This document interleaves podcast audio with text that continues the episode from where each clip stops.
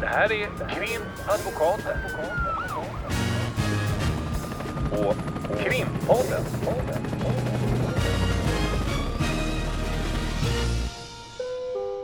Parter och ombud kallas till sal 32. Hej Ulrika! Hej Lotta! Idag har du en beslöjad röst kan man säga.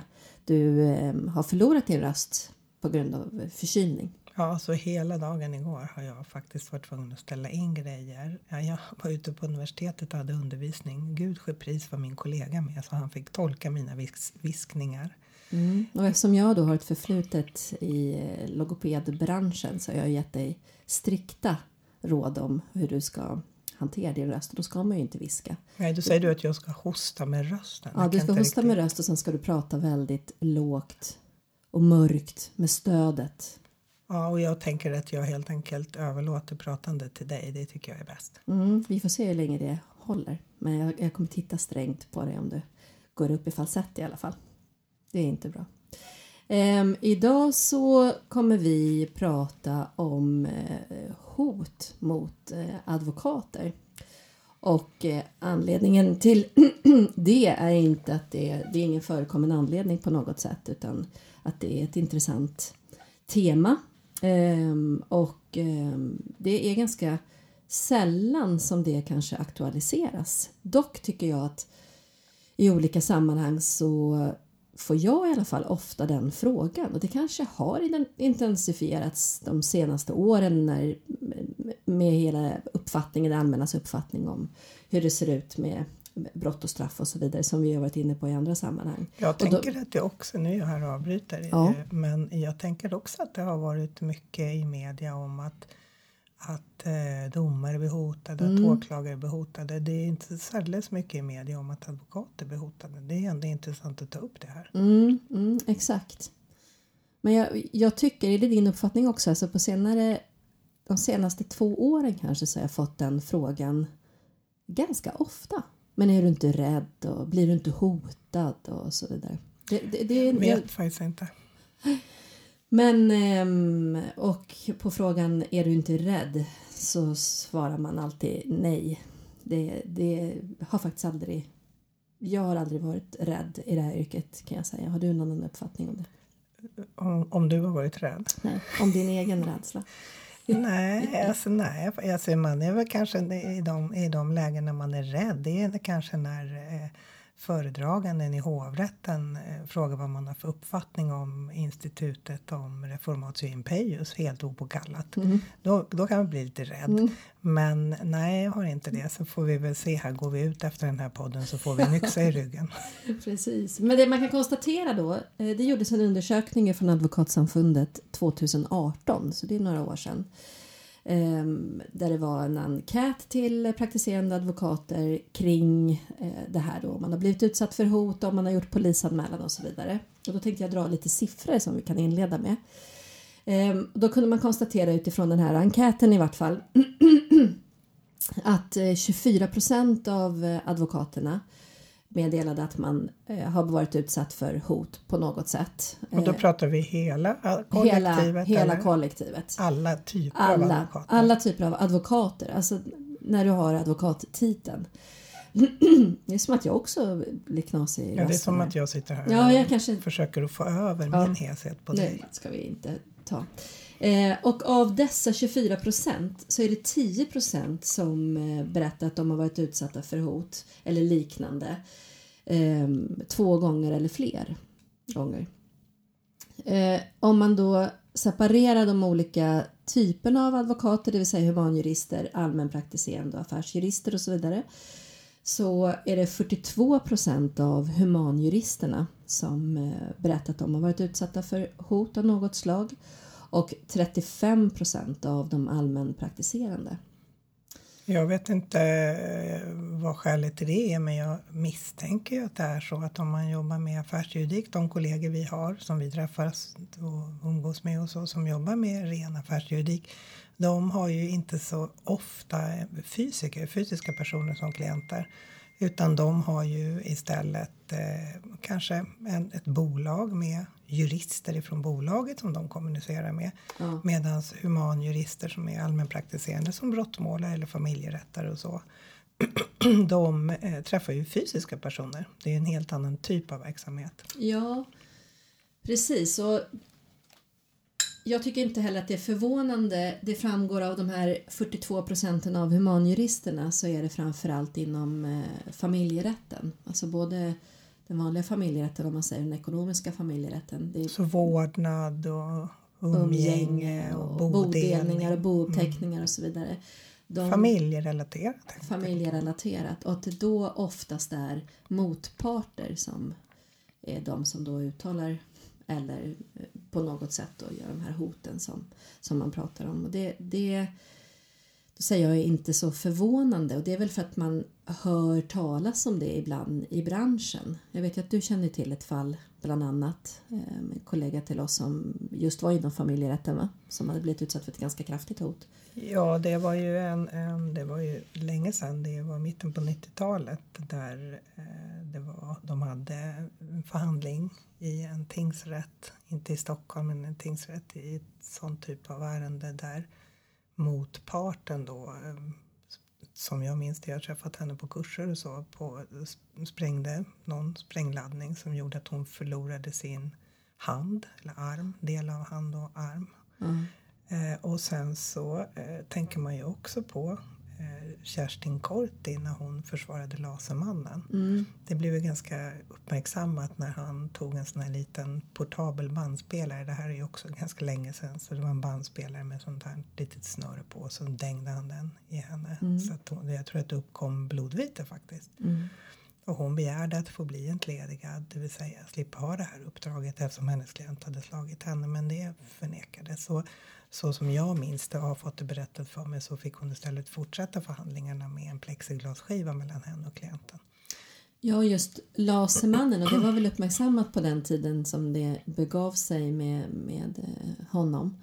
Att han hade fått byta till henne för att han hade utsatt även den tidigare advokaten för både hot och Det vet jag viss del inte. Men jag vet misshandel. att det var skälet till att, att det avslogs att han skulle få byta. Det var väl det att då hade domstolarna tröttnat på att han hela tiden ville byta till nya advokater. Mm, mm. Så jag tror att hon var kanske inte, hon var inte först i ordningen och då hade väl de tröttnat. Men man kan ju tycka att det är ganska speciellt att åka på stryk av sin klient och, och eh, att domstolen ändå inte tillåter en att få slippa uppdraget. Ja, och det här som du säger med, med glasskiva på häktet. Där, för de som inte känner till häktet, vi har ju pratat om det tidigare, men när man hälsar på sin klient på häktet så, så sitter vi i ett eh, rum, alltså som ett, det är ett slutet rum. Det är eh, inga kameror.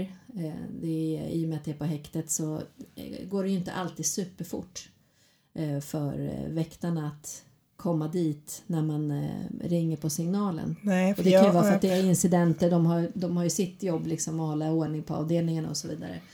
Eh, men jag, ju- hade, jag kan berätta om det därför att jag hade ett, eh, ett ärende där jag eh, tog över en klient där det, där det visade sig sen då att den klienten hade bara några dagar innan jag fick den klienten på mitt bord, eller vad man nu ska säga, hade fysiskt angripit en advokat och överfallit honom i det här häktesrummet helt enkelt.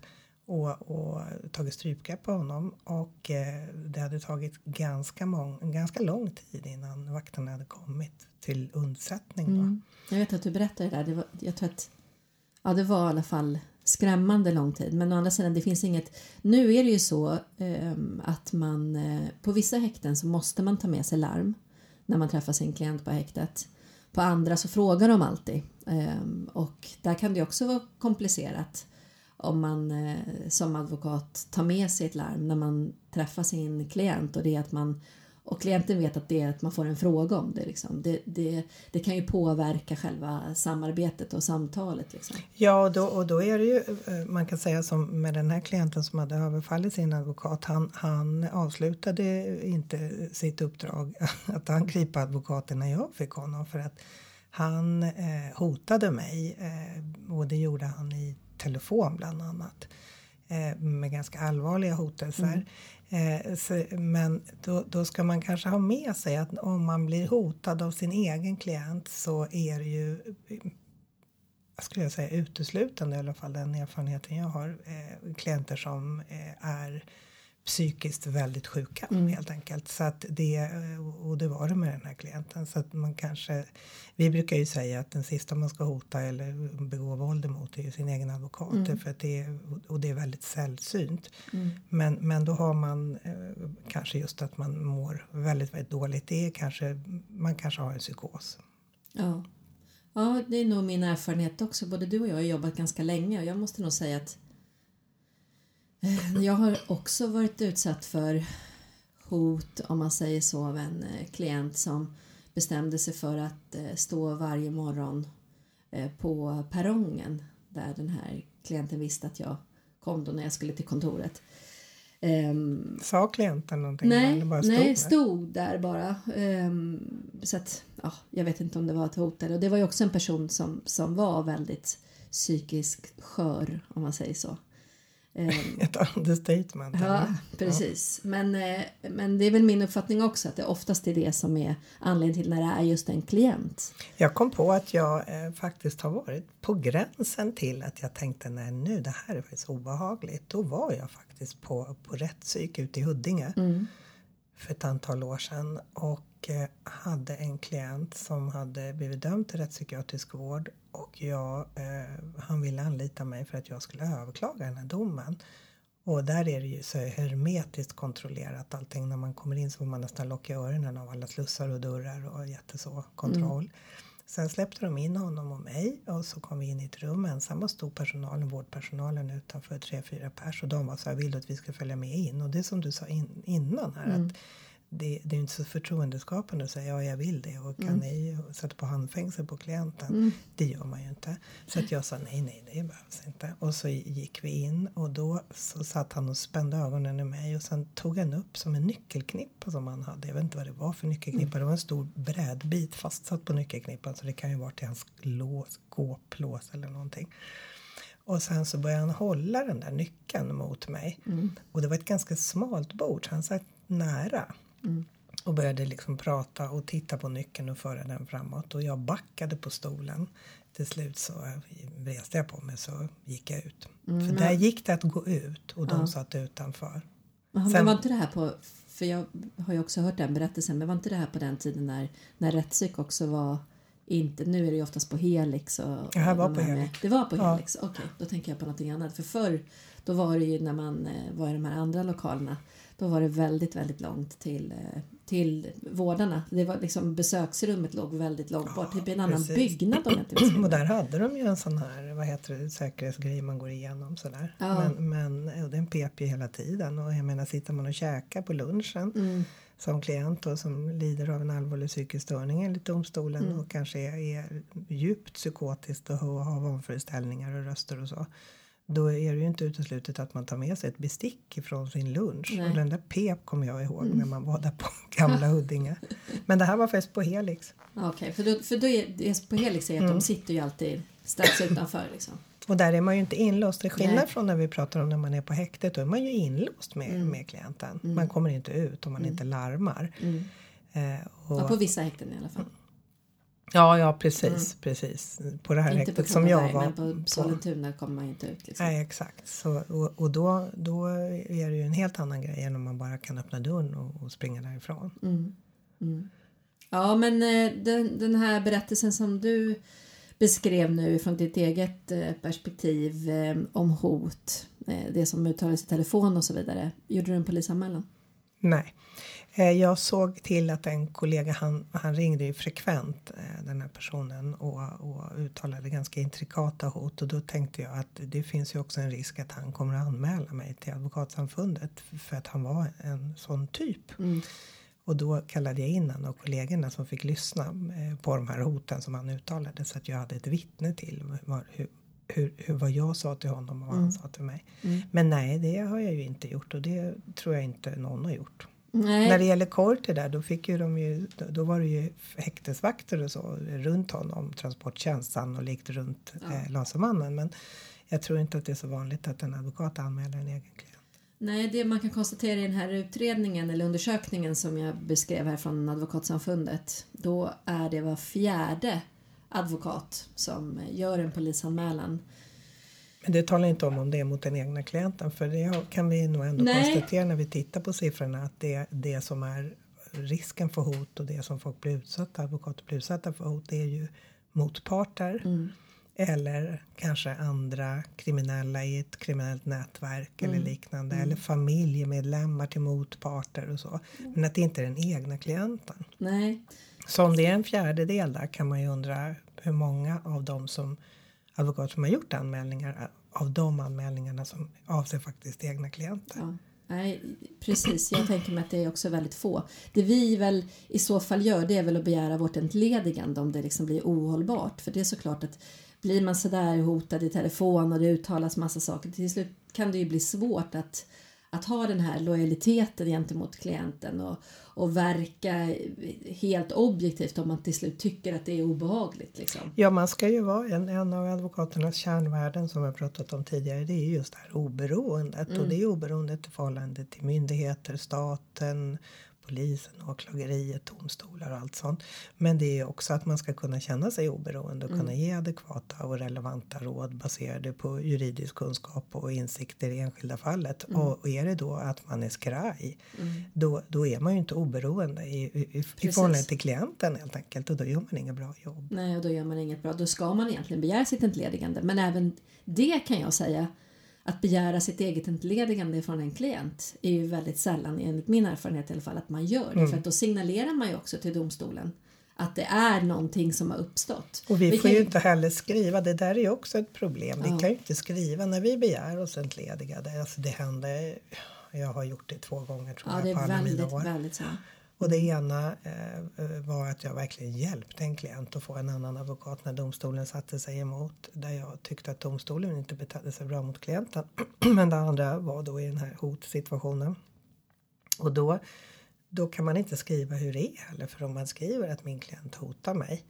Jag kan inte eh, fortsätta ha det här uppdraget. Då kan man bli anmäld till samfundet för att man har skrivit ner sin klient helt enkelt. Det var onödigt att skriva det. Ja men exakt. Och min uppfattning, jag, jag har inte heller begärt mitt entledigande. Jag tror att det har varit på grund av jäv vid något tillfälle. Det är ju mer vanligt. men det det kan ju uppstå, men det kan Ja. ju Jo, uppstå men har liksom senare under månaden. Mer utifrån Men här. på grund av, Mm. alltså det tror jag också, en eller två gånger max under alla år.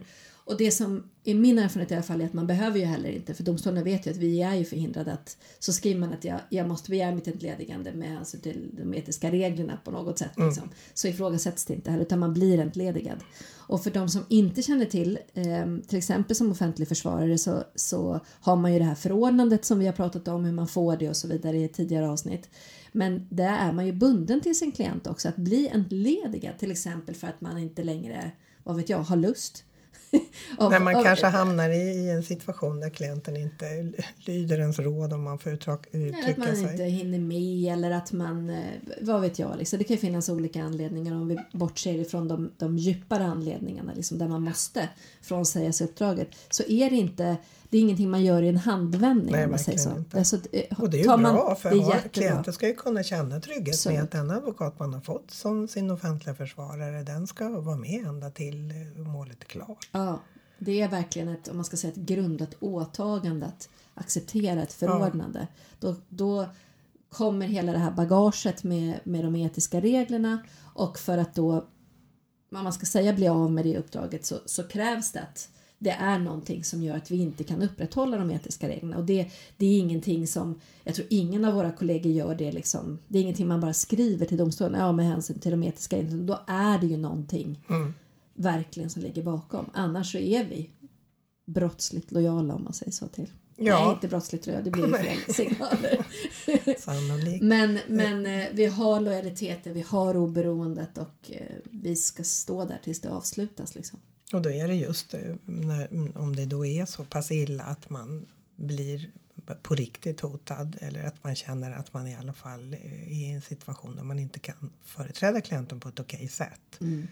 Då ska man begära sig entledigad så att den klienten har möjlighet att få inte, om den då inte upprepar sig i, i, till nästa advokat men känna att den verkligen får ett adekvat försvar.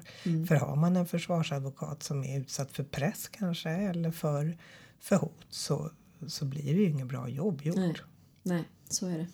Så att det. Och det är ju den här lojaliteten gentemot klienten. Och nu har vi pratat om vad man ska säga inre hot, alltså när man blir utsatt eh, av sin klient eller motparter eller andra som på något sätt eh, är intresserade eller involverade i det, det vi arbetar med. Men vi har ju också kunnat, eller vi har nu på senare tid pratat lite om ett, ett yttre hot emot eh, advokater om vi släpper just det här med polisanmälningarna. Och det, ehm, I samband med den här valrörelsen som har varit och nu har vi ju ett, ett valresultat så får vi se vad det blir för regering och så vidare när det eh, fastställs och Det är väldigt långdraget det här.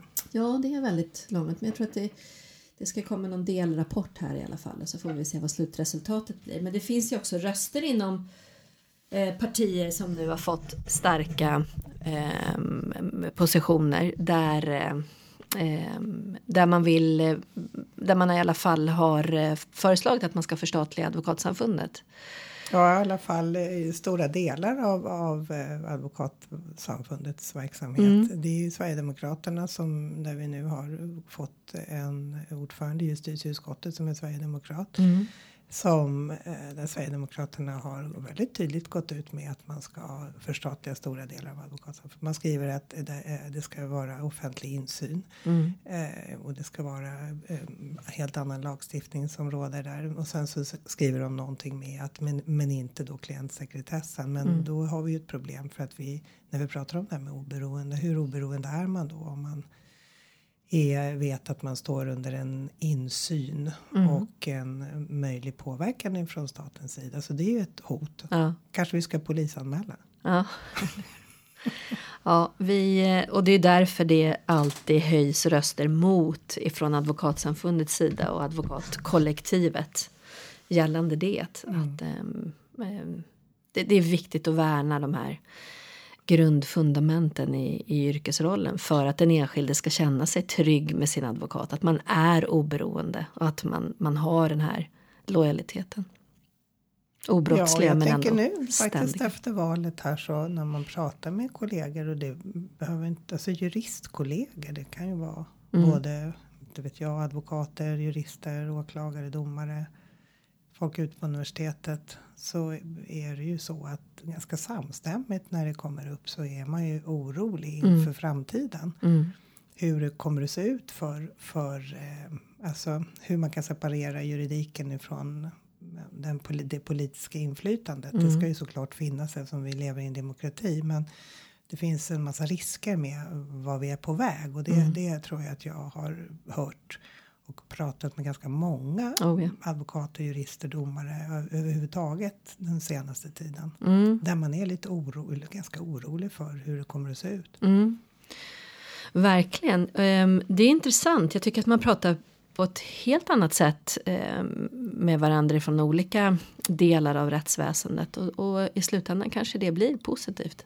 Att vi börjar prata mer om att man ser i, i samtalen och i diskussionen att vi, det här som vi alltid återkommer till, att vi är alla en del av rättsväsendet och i slutändan rättssäkerheten. Att bevara den liksom ifrån våra olika positioner. Och att vi i den här, hela den här apparaten, vi som är aktörer där, att vi någonstans ser värdet av att Varandra. roll, ja, varandra. Roller. Precis, precis.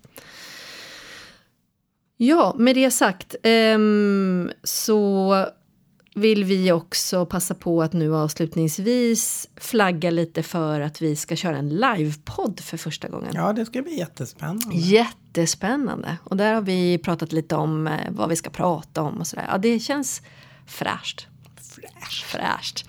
Eh, och det ska vi göra på Juristernas hus den 13 oktober klockan 18.00 ish. Ska Men vi köra har- igång? Det är juristdagarna där ute. Då är det ju olika advokatbyråer som är, är på plats. Och ja, det är en, lite marknadsföring och för studenter att kunna ta kontakt med advokatbyråer och juristbyråer och även myndigheter är på plats. Mm. Och sen så har man en pub på kvällen och det är där vi har blivit inbjudna och, och livepoddar. Det ska bli jätteroligt. Mm. Och det är ju fritt fram att bara komma dit om man nu vill det. Mm. Juristernas hus den 13 oktober klockan 18.00. Annars får man lyssna på oss vid nästa tillfälle när, en, när podden kommer ut. Ja. Krimpodden.